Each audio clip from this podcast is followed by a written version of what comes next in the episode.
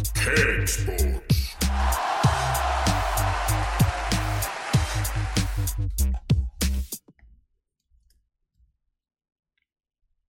det for mye fotball på TV? Jeg sier som Sølve Grotmol. Det er for mange bø bøker på biblioteket også. Og med det så sier vi hjertelig velkommen til eh, nok en episode av Cakesports Live. Fotballsatire i overklassen, og i baren i dag eh, sitter to eh, kjekke gutter, eh, eller to kjekke herremenn som alltid. Kristian er i baren som alltid, og i dag har vi med oss Orakelet, som er til stede i Daniel sitt fravær. Stadig vekk borte. Han er for øvrig eh, ute på kalas og har kledd på seg kjole i dag. Trenger ikke å si så veldig mye mer om akkurat det, men i hvert fall, Kristian, Bodø-Glimt. Vi, vi, vi kjører veldig ofte sånn intro med Bodø-Glimt til å begynne med. 0-0 mot Mjøndalen, du så den kampen. Hva syns du om den? Jeg fikk bare sett alle, faktisk. Men eh, jeg hørte rykter om at det var mye sjansesløseri.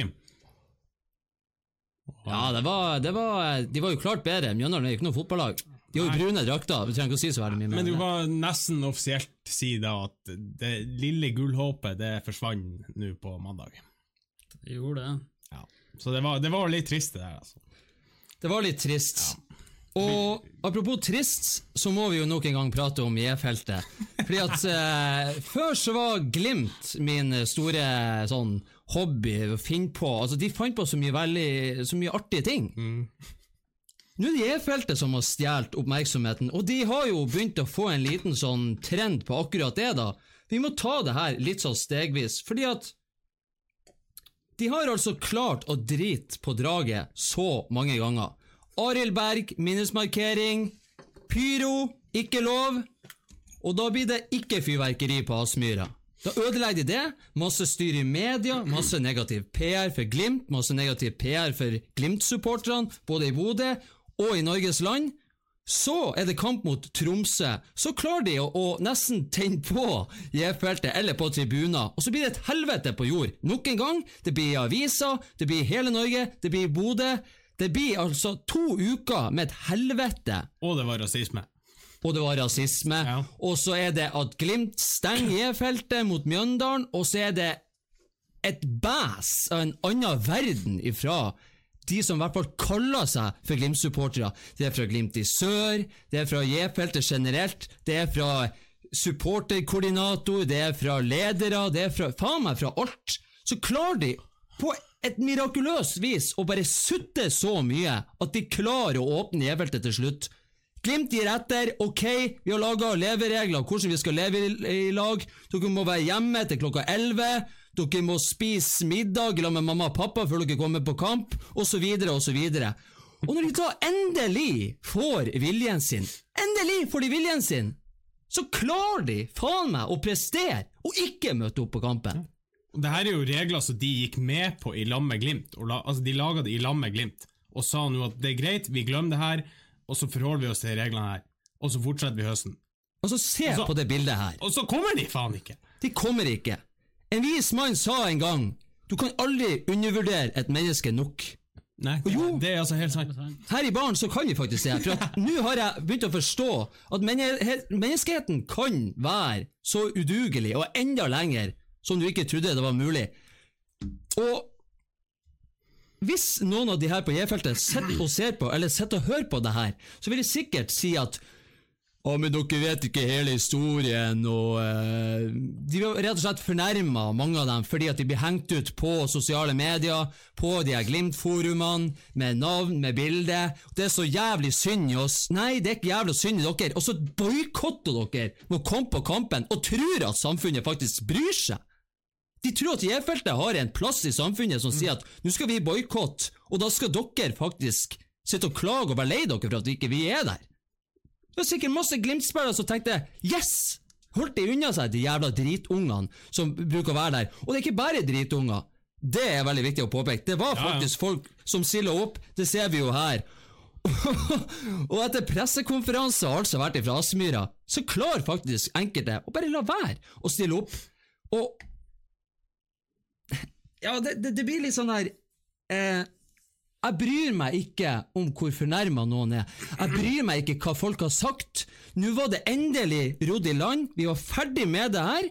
Og så klarer du alltid å få oppmerksomheten. Du klarer alltid å stjele overskrifter fra det som egentlig skal være det viktige her. Og det er jo fotballklubben Bodø-Glimt, det er spillerne og den prestasjonen som de skal gjøre. Og kanskje den viktigste fotballhøsten som har vært i så lenge man kan huske og Glimt. Og så klarer de å prestere og være fornærma for at noen har kalt dem en jævla dritunge på sosiale medier. Hvis faen, dere er jo noen dritunger. Men de setter jo seg sjøl over klubben. Det er jo det som er helt fette feil her. Jeg er jo enig i alt du sier. Jeg har ikke noe mer å tilføre. annet enn det. De, altså, de setter seg sjøl over klubben, og det er helt uh... Ja, det er helt sjokkerende. Kan ikke si du var overraska. Vi var jo ikke Nei. så overraska når vi satt på stadion der og så det var glissent. Nei, det Det er det er. Det er altså helt utrolig. Nå sier det, det er jo, noen har jo selvfølgelig en grunn til ikke- at de ikke kunne være der. Men stort sett så er det jo grunn en, Altså, de boikotta. Noen hadde jo hatt en lang dag på jobben, det så vi jo. og var sliten og skulle hjem og varme seg. Ja. Skal ikke nevne noen navn, men eh, Da kan jo varme seg opp med bluss, da, i hvert fall. Kan jo gjøre. kan kle på deg klær, dra på kamp og støtte ditt kjære lag. Helt forferdelig. Og vi har mye annet forferdelig å prate om i dag. Det har vi alltid. Vi er jo Cakesports Live. Vi eh, driver fotballsatire her i baren. Vi tar en skål idet vi skal gå over i eh, Får vi litt positivitet nå? alle Fra alles fotballkjæledegge. Vi skal selvfølgelig til alt det unyttige i fotballen. Vi skal til Oja, sier du det? Sier du det? Det hadde du ikke trodd, nei. Det er det sykeste jeg har hørt. Nei, Kristian, vi skal ikke til noe positivt uh, med en gang. Kanskje positivt enn Neymar junior, men kanskje ikke for de som Ok, vi er ikke noe glad i han Neymar. Nei. For Neymar han ble i sommer upopulær blant uh, PSG-fansen da han uh, ønska å fære tilbake til Barcelona, og prøvde alt han kunne, men klarte allikevel ikke å ende opp der. Han måtte bli værende i PSG, og etter det så har jo selvfølgelig supporterne bedt han om å reise til helvete. Hold deg unna klubben, du burde ikke spille. Han har jo ikke spilla for mye heller, da. Men nå har lykken snudd for Neymar, for han får nå en tre meter høy statue i Paris. Fordi at Som en del av utstillinga til den brasilianske kunstneren Marcos Marin, så skal de få opp Han er tror det er én av 20 statuer som skal stå rundt i Paris. Så der har vi Neymar i Paris. Syns du han fortjente det, orakelet? Det gjør jeg absolutt ikke. Men jeg er jo ikke overraska igjen. Men jeg hadde håpa han sto der og holdt en sånn eh, filmklipser, så det var litt eh, mening bak den, da. Ja, men det er ikke Går det der innenfor betegnelsen statue? Nei. Jeg syns ikke det er gyldig statue. det der. Nei. Statue er jo helfigur. Det er jo en statue, en som står i sånn én-til-én størrelse. Det her det er jo mer sånn her eh, fancy-schmancy kunstneri-piss. Det her er borte om et år. Du kan jo ikke spraye på han heller. Du ser han er jo sånn gjennom Du kan jo, du kan jo ikke spraye, da drar du jo bare ut på andre sida. Kanskje de har tenkt på det når, eh, når de har laga den. I hvert fall så er jo eh, Ja, en liten sånn ekstra fun fact. Etter kampen mot Klubb Brygge i Champions League, så har Neymar eh, gått glipp av 50% av kampene til PSG siden han kom til klubben i 2017. 63 av 126 kamper har han stått over, med ukelønn på 7 millioner. Det er et deilig liv. Det er jo kanskje derfor den er kommet opp, den her. Så han skal vise, seg, han viser ikke på banen, så vi må se han en plass. Ja. Enkelt og greit. Men det er jo helt sykt. Jeg trodde aldri det var så mye. Men eh, ja, det er kanskje flere bursdager ute og går enn det vi tror. For de som sitter og lytter og ikke ser sendinga, så sitter han Christian bare og rister på hodet. Du hører ikke ristinga, men kanskje Nei. hvis han rister litt hardere, så hører du hjernen hans sprette frem og tilbake mellom tinningene. Så han blir altså oppgitt. Neymar og en eh, Det var favoritten din før, men du har eh, funnet ut at nei. Ja, det har han gjort, gjort helt Gjort helt sjøl, for å si det sånn. Det har han klart sjøl. Mm. Han var en kjempespiller. Jeg tror, altså, halvparten av de som likte han, de liker han ikke lenger. Med mindre du er Det er kun søstrene Med som liker mindre du er rundt ti år og har, det, har en Neymar-drakt eller noe sånt. Er det. Vi skal gå til uh, Arsenal, for uh, de uh, tapte jo mot Sheffield United. Og Unai Emery er ute i hardt vær igjen. Arsenal har jo gjort det overraskende bra. De har jo ligget oppe blant eh, de fire beste frem til nå, selv om eh, de kanskje ikke har spilla så veldig suveren fotball. Kanskje det sier mer om de andre lagene i Premier League eh, så langt denne sesongen, men i hvert fall, Arsene Wenger han er da eh, savna. Kanskje, kanskje ikke, men i hvert fall. Arsene Wenger etter 47 kamper og Unai Emery etter 47 kamper. Så skal vi sammenligne de lite grann. De har altså Etter 47 kamper hadde han Wenger 26 seire. Og etter 47 kamper hadde han Unai Emery 25 seire. Wenger hadde 90 mål skåra, Emery hadde 86. Wenger hadde, Wenger hadde sluppet inn 59, og Emery har sluppet inn 63. Og så kan vi Og så videre og så videre og så videre. Wenger hadde 17 clean sheets. Unai Emery har hatt 10. Vi kan jo få opp her sånn eh, et bilde, sånn folk ser det. Vi har stjålet det fra BR fotball. Og det er jo, det er jo eh, tallenes tale, orakelet. Eh, hvordan eh, ligger det an nå for Emery? Tror du at han blir sittende, eller tror du det brenner under føttene på han, eller er det litt sånn som Arsenal har vært tidligere, at de drar det så langt som mulig og viser tillit til eh, manageren? Det vil vise det er jo nytt regime i Arsenal, så eh, vi er jo ikke kjent med det i noen i uh, fotballverdenen, egentlig, hvordan de bør gjøre det. Men jeg mener jo sjøl han burde sitte ganske utrygt sånn som det er nå. Det er jo som Arsenal, de, de har jo ikke Når han Wenger var iallfall til å begynne med, eller hele tida, så sa jo alle det er forsvaret han trenger å fikse på. Det er jo Angrep på midtbane er jo grei, men med Emery, det er jo forsvaret, det er midtbane, det er angrepet, det er alt. Du vet, du vet ikke hva Arsenal bør fikse, så ille er det. Mm. Og eh, jeg, jeg ser ikke hvordan han skal få det, få det bedre sånn som det er nå. Men Solskjær er jo i United, og United de begynner jo å, eh, å nærme seg nedrykk, skulle man jo tro. Fikk jo i hvert fall ett poeng mot Liverpool, men de ligger jo enda lenger det. De ligger vel fem poeng bak Arsenal, hvis jeg ikke tar helt feil. Og nå har Leicester gått forbi Arsenal, så det er jo snudd litt på hodet. Og Solskjær sitter jo, ja, sitter jo selvfølgelig litt utrygt, men allikevel, det er jo en litt større klubb enn Arsenal er. Så man vet jo ikke hvordan eh, akkurat det der Man vet jo ikke hvordan eh, hvor varmt egget er bidd på Emirates. Men du som følger Arsenal tett, da, hvordan er Du må jo se på om det har vært mye framgang siden Wenger for, eh, ikke sånn altså, måten de spiller på. Nei, det, har, det, er, det er altså, absolutt null fremgang. det eneste fremgang kan jo, hvis du skal være snill, så er det jo i toppkampene, de har gjort det litt bedre. Ja.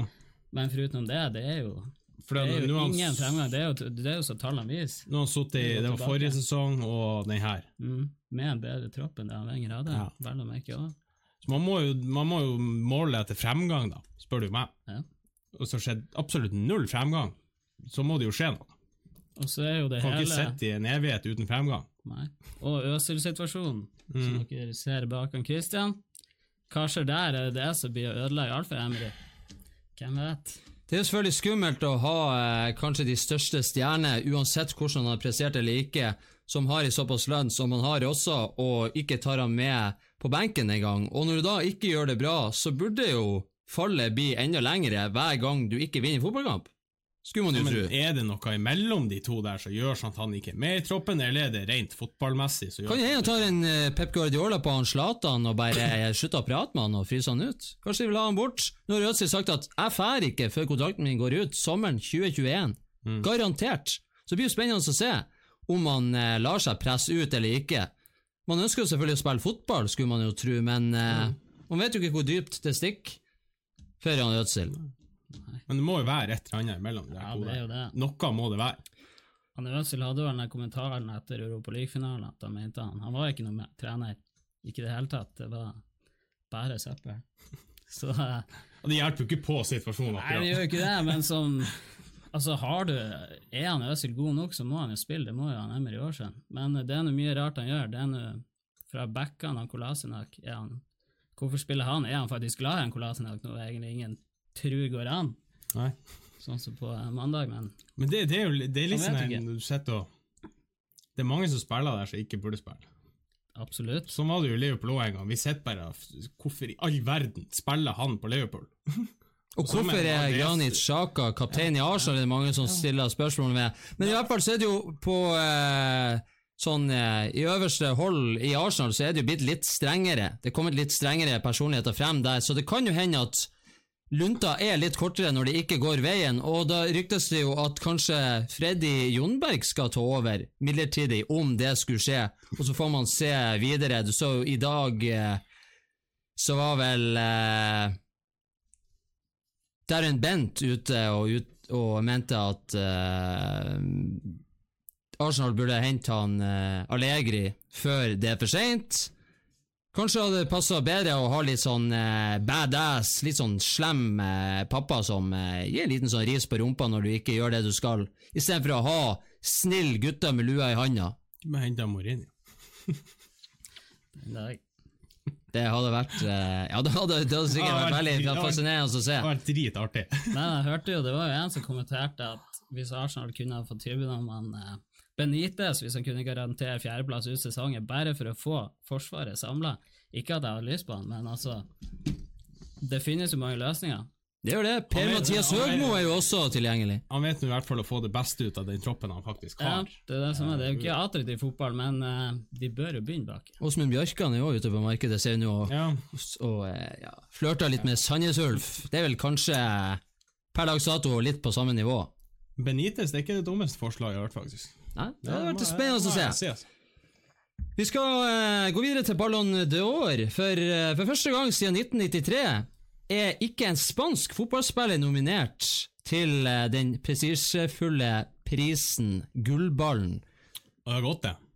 Den, den deles ut 2. desember av det franske fotballmagasinet France Football. Og nå er vi kommet ned til shortlist, altså de siste 30 nominerte. Det beste med det her er jo at Neymar ikke er med der. Men han er jo ikke spansk, men, Nei, men, han var ikke, men det er det beste med hele den shortlista. Og det er første gang siden gjorde så godt- 2010. Det gjorde så godt i sjela. Første gang siden 2010 at Neymar ikke er med der. Det er ganske spesielt, men han har jo ikke spilt fotball. Det er mye som spiller inn der, tror jeg. Men at ikke Ikke det er en spansk spiller Det er vel ikke en italiensk spiller heller? Se på landslaget til Spania. Hvem skulle ha vært der? Ja, men det er ikke én spansk og ikke én italiensk spiller blant de 30 nominerte til Gullbarn. Det er ganske spesielt. Ramos har vel brukt å vært med, han ikke? Ja, han har det. Blant de 30. Altså, det er Gea. Ja, Altså, men det var jo ingen av de som hadde en god sesong i går. Nei. nei, nei. Ikke én! Men det er jo første gang siden 1993. Hvem var den beste spanske spilleren i fjor, egentlig? Ja, nettopp. K Saul Kåke, eller? Nja Ikke godt å si. Nei. Det er ikke det. Men eh, ja, det er ganske spesielt, i hvert fall. Mm. Og Luka Modric er den første spilleren i historien som ikke er med på topp 30-lista året etter at han sjøl vant Ballon d'Or. Mm. Det er òg ganske spesielt. Ja. Men han var jo heller ikke Han var jo heller ikke eh, på det nivået. Nei, men langt det var hele Real Madrid Hvordan du klarer å falle så langt. Altså, du blir den beste spilleren i VM og i verden. Jo, men Og du vinner Champions League. Da hadde han jo klubblag som fungerte rundt han. Men så klarte han jo plutselig ikke å sjonglere fem ganger. Nei. Og så var han vel skada en god stund òg. Det spilte vel mye inn. Men likevel, det er jo helt Går det an? Å ja, sier du det? Mm. Og det er derfor vi eh, har de her sendingene, for at du visste ikke det.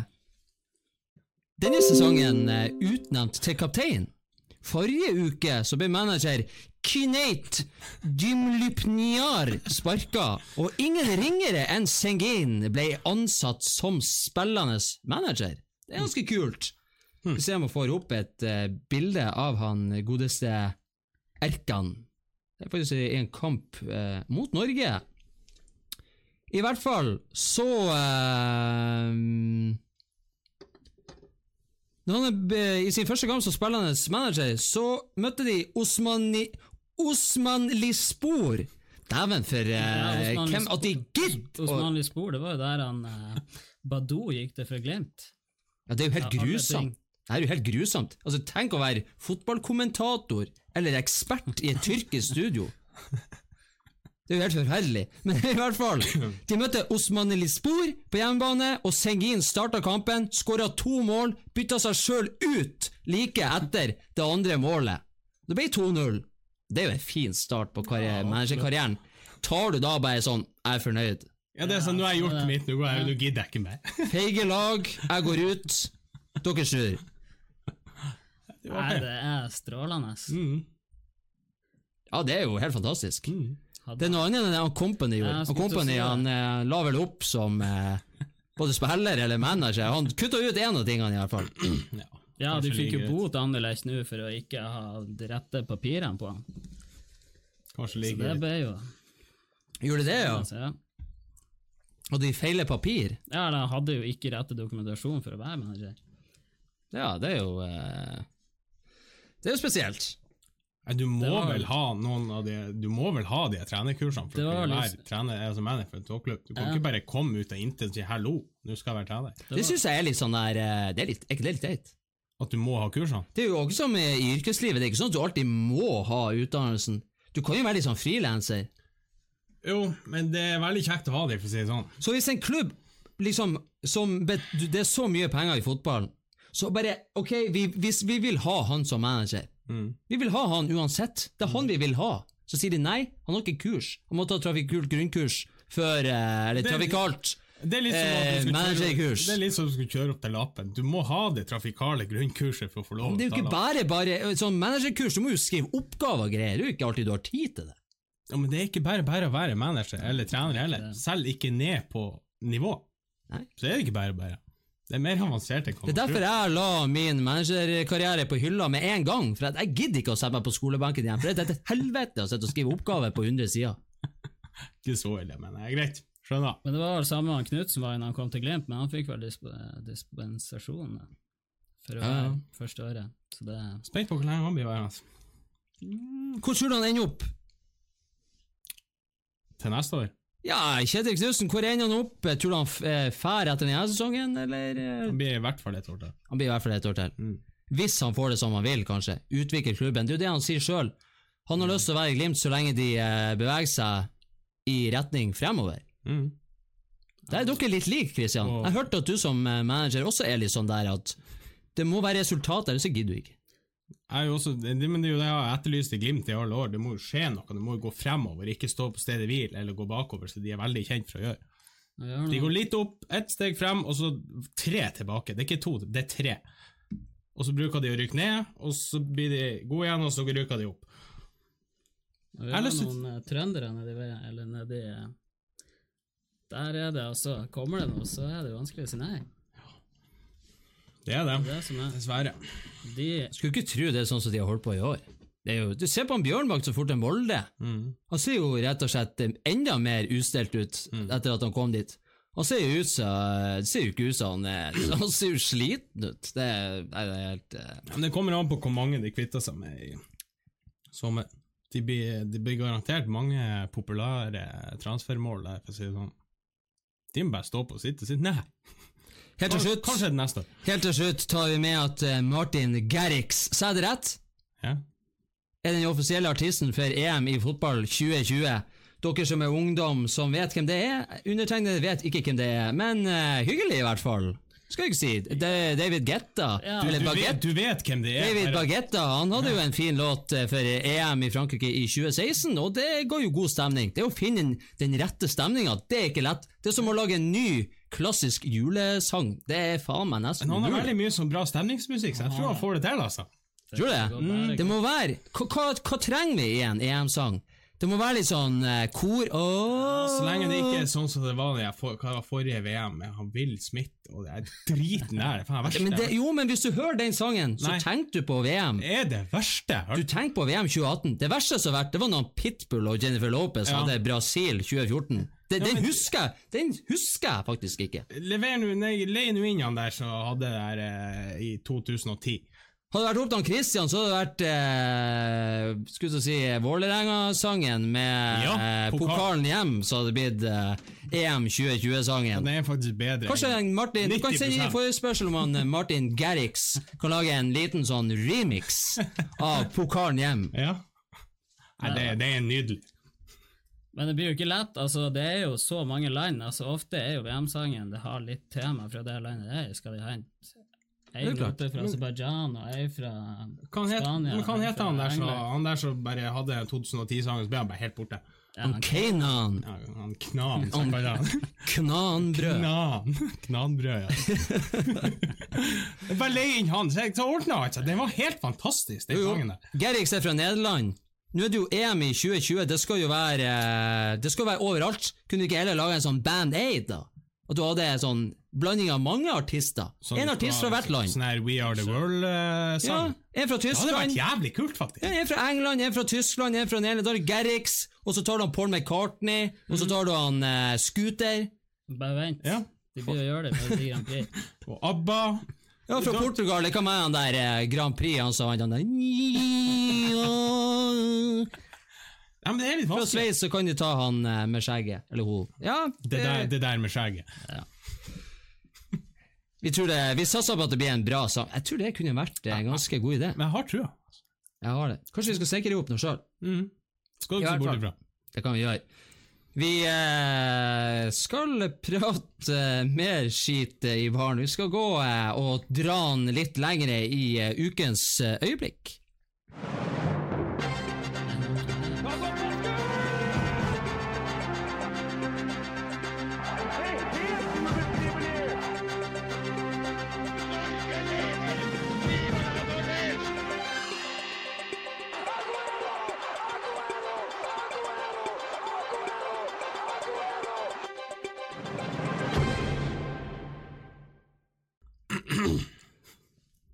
I ukens øyeblikk så skal vi til eh, meksikansk fotball. Ja, det- Selvfølgelig det skal vi det. Det er favoritten. Selvfølgelig skal vi det.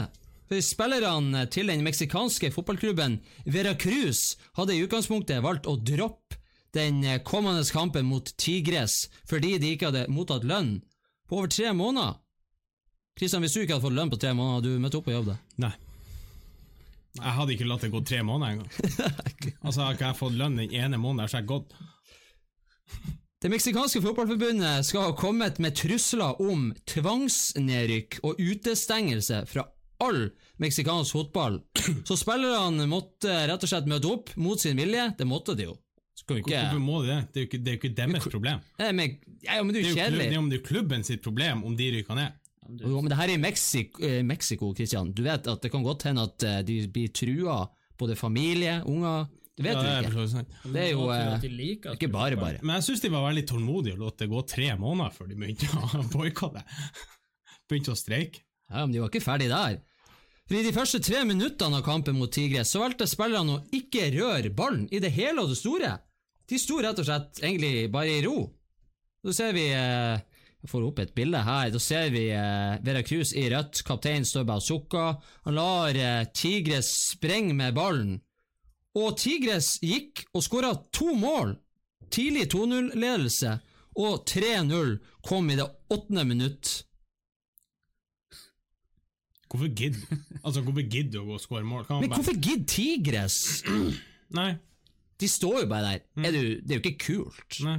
å gå og skåre mål. Nei, det jeg skjønner jeg skjønner hva de gidder. Altså, da ville jeg vil jeg jo i hvert fall ha begynt å skyte fra egen banehalvdel. Bare for at du skal få en sånn her eh, sykt historisk mål. Mm. Skyt fra 16-meteren. Ta keeperen til utspill og i mål. Får du sånn eh, verdens Guinness-rekord?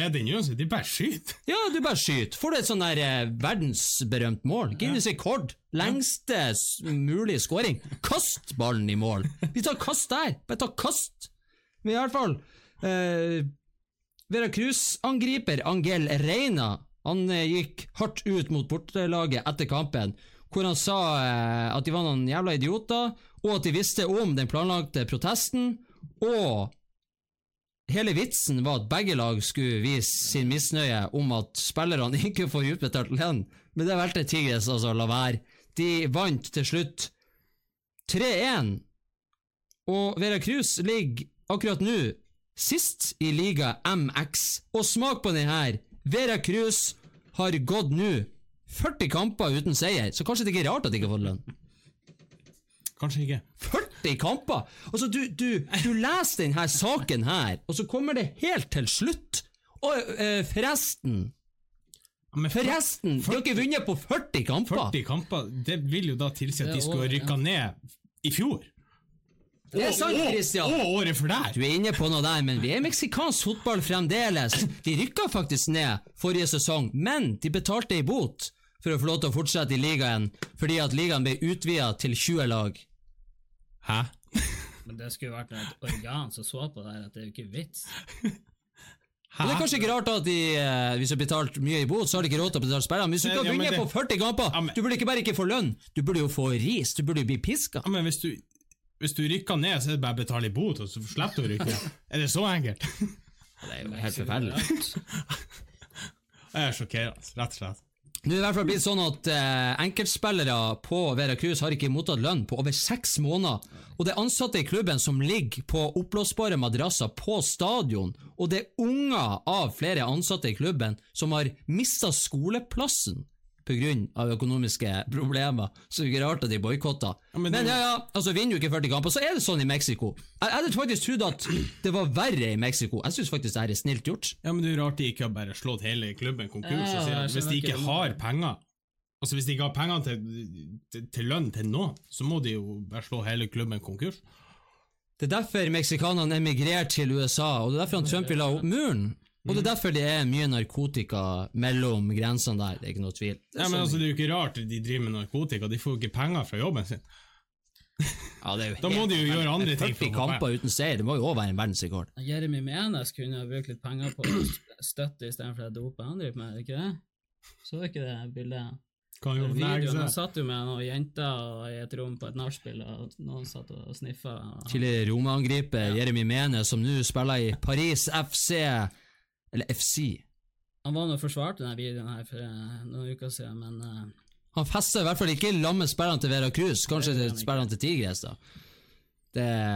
Men sånn er det i meksikansk fotball, og vi forventer ikke noe mindre. Nei, vi gjør jo faktisk ikke Det er Men helt 40 glimrende. det er jo skrekkelig. Ja, det er skrekkelig. Det er, Altså, det er, det er piskenivå. har du sjekka om det er tilskuere på de kampene? Har det, har det gitt Nei. Det regner jeg sterkt med at det ikke er, siden de ikke har inntekter nok til å betale spillerne. Det er forferdelig. Vi eh, sier oss ferdig med Tequila og meksikansk fotball. Vi skal gå nok en gang til eh, Oya, sier du. Sier du det? Det hadde du ikke trodd, nei. Det er det sykeste jeg har hørt. Det der var jo nesten en Oya, sier du det, hele den saken der. Hele sendinga, hele konseptet Cakesports Live, er jo et stort Oya, sier du det. Du lærer ting som eh, du ikke kunne fra før av, og du blir eh, oppmerksom på ting som er ganske usaklig, og som du egentlig ikke trenger å vite. Men jo, selvfølgelig, elsker du fotball, sånn som vi gjør her i baren, og koser oss med litt eh, bobler og litt eh, gjærvann, og tar en skål for det,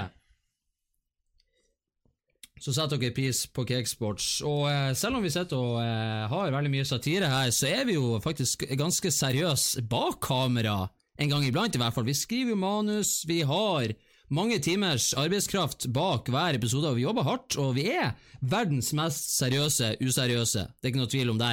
Og for å bevise det, så eh, når vi begynner å nærme oss jul, så skal vi begynne å få ut en liten overraskelse ut der i samfunnet, som skal bare gå inn som en sånn bakterie inn i årene og ta over verden. Vi skal selvfølgelig gi ut ei bok. Det skal vi komme tilbake til ved en annen sending.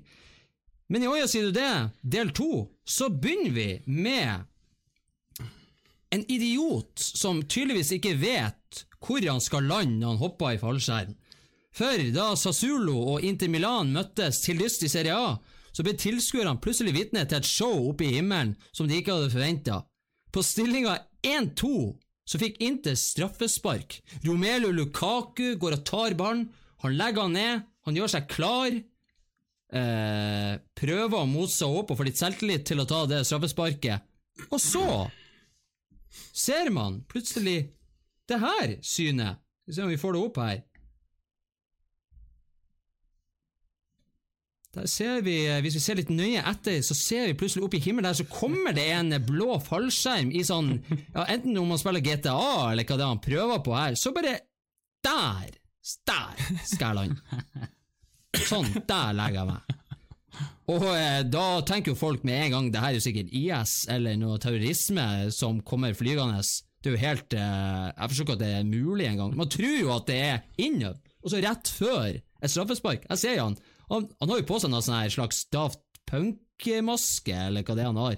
Han har kamera på hodet, det ser jo litt sånn lugubert ut. Han står og så ser rundt seg, liksom, hva faen er det som skjer her? Masse tusen rundt meg, og der kommer jo vaktene og mafiaen ut, og, og alt uh, mulig. S uh, skulle si soneleder, soneleder, er det ikke det vi sier på Aspmyra? Stemmer. Det er jo det er jo litt kult, Det da. De tar han ut, og eh, det er ingen som vet eh, hvorfor han gjorde det her. Det, motivet bak er fortsatt uvisst, men han skal jo uttalt sjøl at han hadde problemer og måtte foreta ei nødlanding.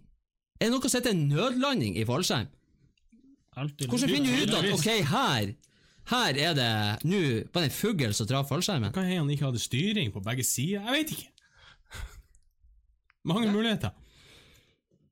Han hadde heller ikke klart å registrere fra lufta at den grønne flekken var en fotballstadion. Hvis du ikke ser at det er en fotballstadion, hvor du tror du lander? Du så i bakgrunnen, det var ei gresslette der. Du Ta deg en tur til eh, å få deg briller hvis du ikke Når du ser kommer akkurat Når du er akkurat over, du klarer jo å styre Å nei, faen, det er jo fotballkamp! Da snur jeg meg, og så drar jeg en annen plass. Ja, Det er i hvert fall eh, helt fantastisk. Kampen Ja. endte for øvrig 3-4, så det fikk jo ikke noe innvirkning. Lukaku satt straffesparket også. Det gjorde han. Men det har jo ikke skjedd før. Det har ikke skjedd før. Ikke så vidt, ikke så vidt jeg vet. Lillestrøm og Tromsø for 20 år siden sikkert. Da skulle jo en fallskjermhopper komme forbi, og han har reklame på skjermen. Mm. Og kommer og feilberegner og treffer rett foran taket, eller på taket, så han bare hengende ned og dingler i, Skal ikke gå an. rett over Kanarifansen. Det skal ikke Og gå. han var jo helt i Det er fantastisk. Men at du tar en nødlanding med fallskjerm Ja, Det går bra, det gikk bra med han, da. Det er jo det Jeg viktigste. må, jeg, vil, jeg må undersøke med noen som kan det fallskjerm, og finne ut hva er, hva er nødlanding. Hvorfor må du ta en nødlanding? Og hva er forskjellen på en nødlanding og en vanlig landing?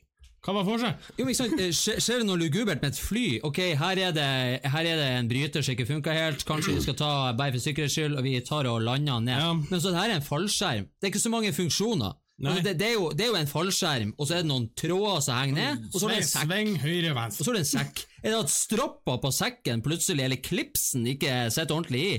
Da tenker jeg ok, jeg må ta en nødlanding. Ja, for eksempel. Jeg trodde det var enten eller. Enten så tenkte jeg du har den sykeste opplevelsen i livet ditt, eller så dør du.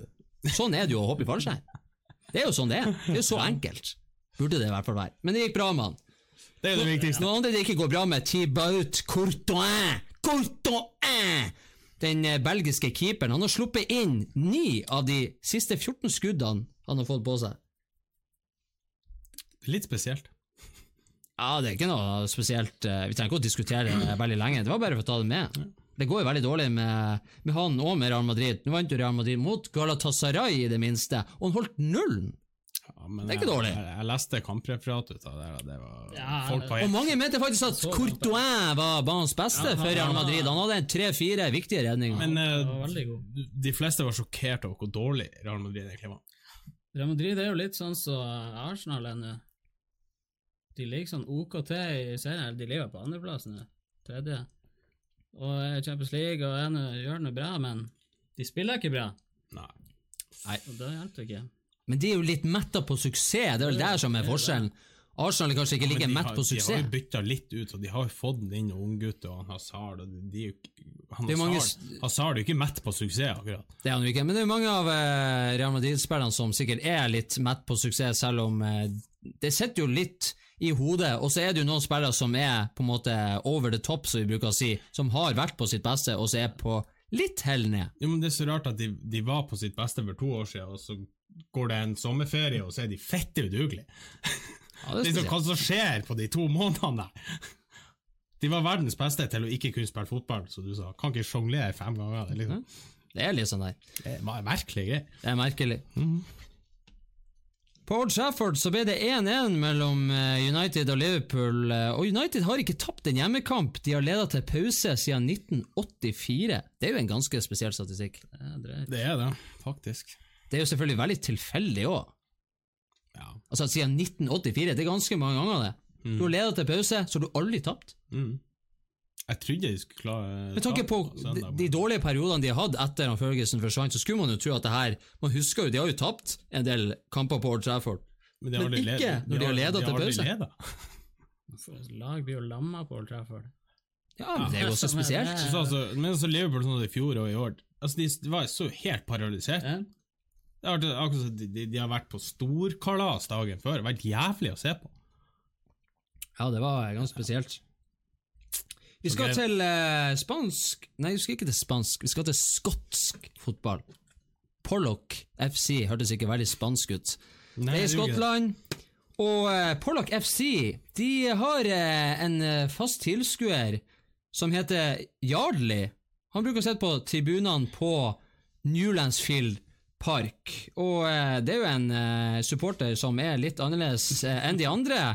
Sånn ser han ut. Det er rett og slett en hund Det her er så rått. som heter Jarli. Han er tydeligvis eh, Jeg vet ikke om han har sesongkort, eller om det er sånn egen hundepris for å få lov til å sitte der, men du ser jo han er jo dypt konsentrert. Ja, virkelig. Det er jo ikke noen rundt her som er han sitter sånn der i 90 minutter hver kamp altså, det er jo ikke noen rundt her som bryr seg om han, så det er tydeligvis veldig vanlig at han er der. Og det er ingen som sitter og passer på at ikke han skal ta en eh, og, og sprenge ut på banen. Jeg tror med- Karl Østan å ta den ballen som fer utpå der. Jeg regner med i pausen har vært der så lenge at de har sånn egen sånn bu- bod til Ja. han der. Kommer du ut ei skål med eh, Det, hundemat? det, det er jævlig kult, det der. Det er dritkult. De må ta den fullt ut. Til dere supportere på J-feltet som latt være å fære og se kampen mot Mjøndalen fordi at dere er fornærma på samfunnet, og andre Glimt-supportere, ta og se på han her, Yardley, Pollock FC-supporter, til sin hals. Han møter opp på stadion, og når dere ikke er bedre enn en hund, hva er dere da? Det, det, det kan dere få lov til å svare på sjøl inni deres eget hode. Jeg er lurer på hvor det starta at de i det hele tatt slapp en hund inn på stadion. Hvor, hvor, det, hvor det her starta? Ja, Hvordan, hvordan, fikk han et eget sete? Hvor, jeg vil vite mer! Hvis du ser på han, eh, så ser du kanskje Ikke sett han på telefon. Han er ikke Ja, det er bra. Han Ja. ikke med telefonen. Og så er han jo eh, Det som han er veldig misfornøyd med laget, som ligger kanskje ikke gjør det så veldig bra.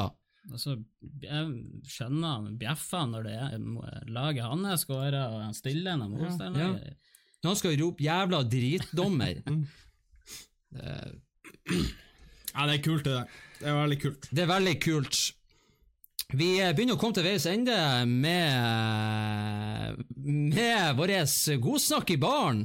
Kristian, han er Skal du ta hunden din med på Aspmyra? Jo, hvis jeg får lov til å ta Ja. med hund på Aspmyra. Det- Du må jo sikkert kjøpe billetter, da, men eh, Jeg tror kanskje ikke jeg er så lurt, så han eh, hadde blitt litt for ivrig. Vi kan ta med helt til slutt at eh, vi skal ta litt nostalgi her. I 2005 så ble en video av Ronaldinho den første noensinne til å nå én million seere på YouTube, og det er ganske spesielt. Nike-reklame. Nike-reklamen, det er korrekt, Christian. Den ikoniske videoen, en reklamesnutt som eh, viser brasilianeren når han pakker ut et nytt par av modern Tiempo, og så trikser han, og så går han eh, videre Mens vi prater, så kan vi egentlig bare Dæven, få litt eh, Få opp den der eh, gullkofferten kommer frem, han tar frem skoen. Vi skal ikke se hele klippet, det er ganske lagt, men han begynner å sjonglere. Sjonglerer seg frem til eh, ja, til 16-meteren, og så begynner han å eh, trikse litt, skyte tvellingen, tar han uten at han går i bakken. Eh, mange funderte på er det her ekte eller er det fake. Christian? Hvis du i det hele tatt funderer om det er ekte eller ikke, så er det noe så fette gærent med det. ja, det er veldig fake, men det er jævlig kul reklame, da. Det er det. Etter hvert når man ser ballbanen, mm. så er den litt unaturlig. Det er i 2005, vi hadde ikke så jævla gode filmtriks. Nei, Gud, jeg savna de Nike og de Pepsi-reklamene. Det var Det er vel Yoga Bonito det her, er ikke det? Åh, Hva Jeg tider? husker, jeg husker Puma kom hjem, og Marco Royce da han gjorde det samme. Og skjøt, og du ser jo ballbanen, ballen spretter jo så Mm. og så traff han jo inn i noen dekk som sto på straffefeltet, skjøt i tverrliggeren, spratt i bakken, og i Men i dag når de lager sånne videoer, så lager de jo sånn at du, det er jo med, med litt sjølironi. Mm. Men her så gikk de aldri inn. Det var ikke noe sånn her Det her var litt Det var seriøse greier. I hvert fall en stund. Ja. Det var ikke noen som gikk ut og sa at det her var eh, ikke ekte greier. Så det, akkurat det han gjør der, regner jeg med at eh, man klarer. Det klarer jo sikkert han uh, Sørloth også. Ja, det skal, Men etter hvert- skal du ikke være så sikker på. Etter hvert eh, Det er så lenge siden jeg har sett den at jeg husker jo faktisk ikke tid han begynner å gjøre det her, men det var jo faktisk litt artig å se på når vi først eh, Når vi først sitter her. Ser vi at det står noe i bakgrunnen. Der skyter han, og den går eh, Det er kanskje litt vanskelig å se på de her bildene. Det er jo ikke akkurat eh, 8K eller 4K vi ser her, det er jo SD minus, sånn som det var med kasse-TV-ene før. Men veldig sjarmerende reklame. Satt en ny standard. Satt en ny standard for YouTube. Første video på YouTube til å nå én million seere. Det er ganske spesielt. Jeg har ikke sjekka hva han har i dag, Men de mest populære videoene i dag har vel Jeg vet ikke om det noen som har passert to milliarder. Det er vel kanskje det? Det er nok Det er det nok. Og eh, Cakesports er jo også på YouTube. Vi har ikke passert to milliarder helt enda, men eh, vi håper i løpet av eh, år 3000 at vi kanskje, hvis YouTube eksisterer da enda, så har vi kommet et stykke på veien.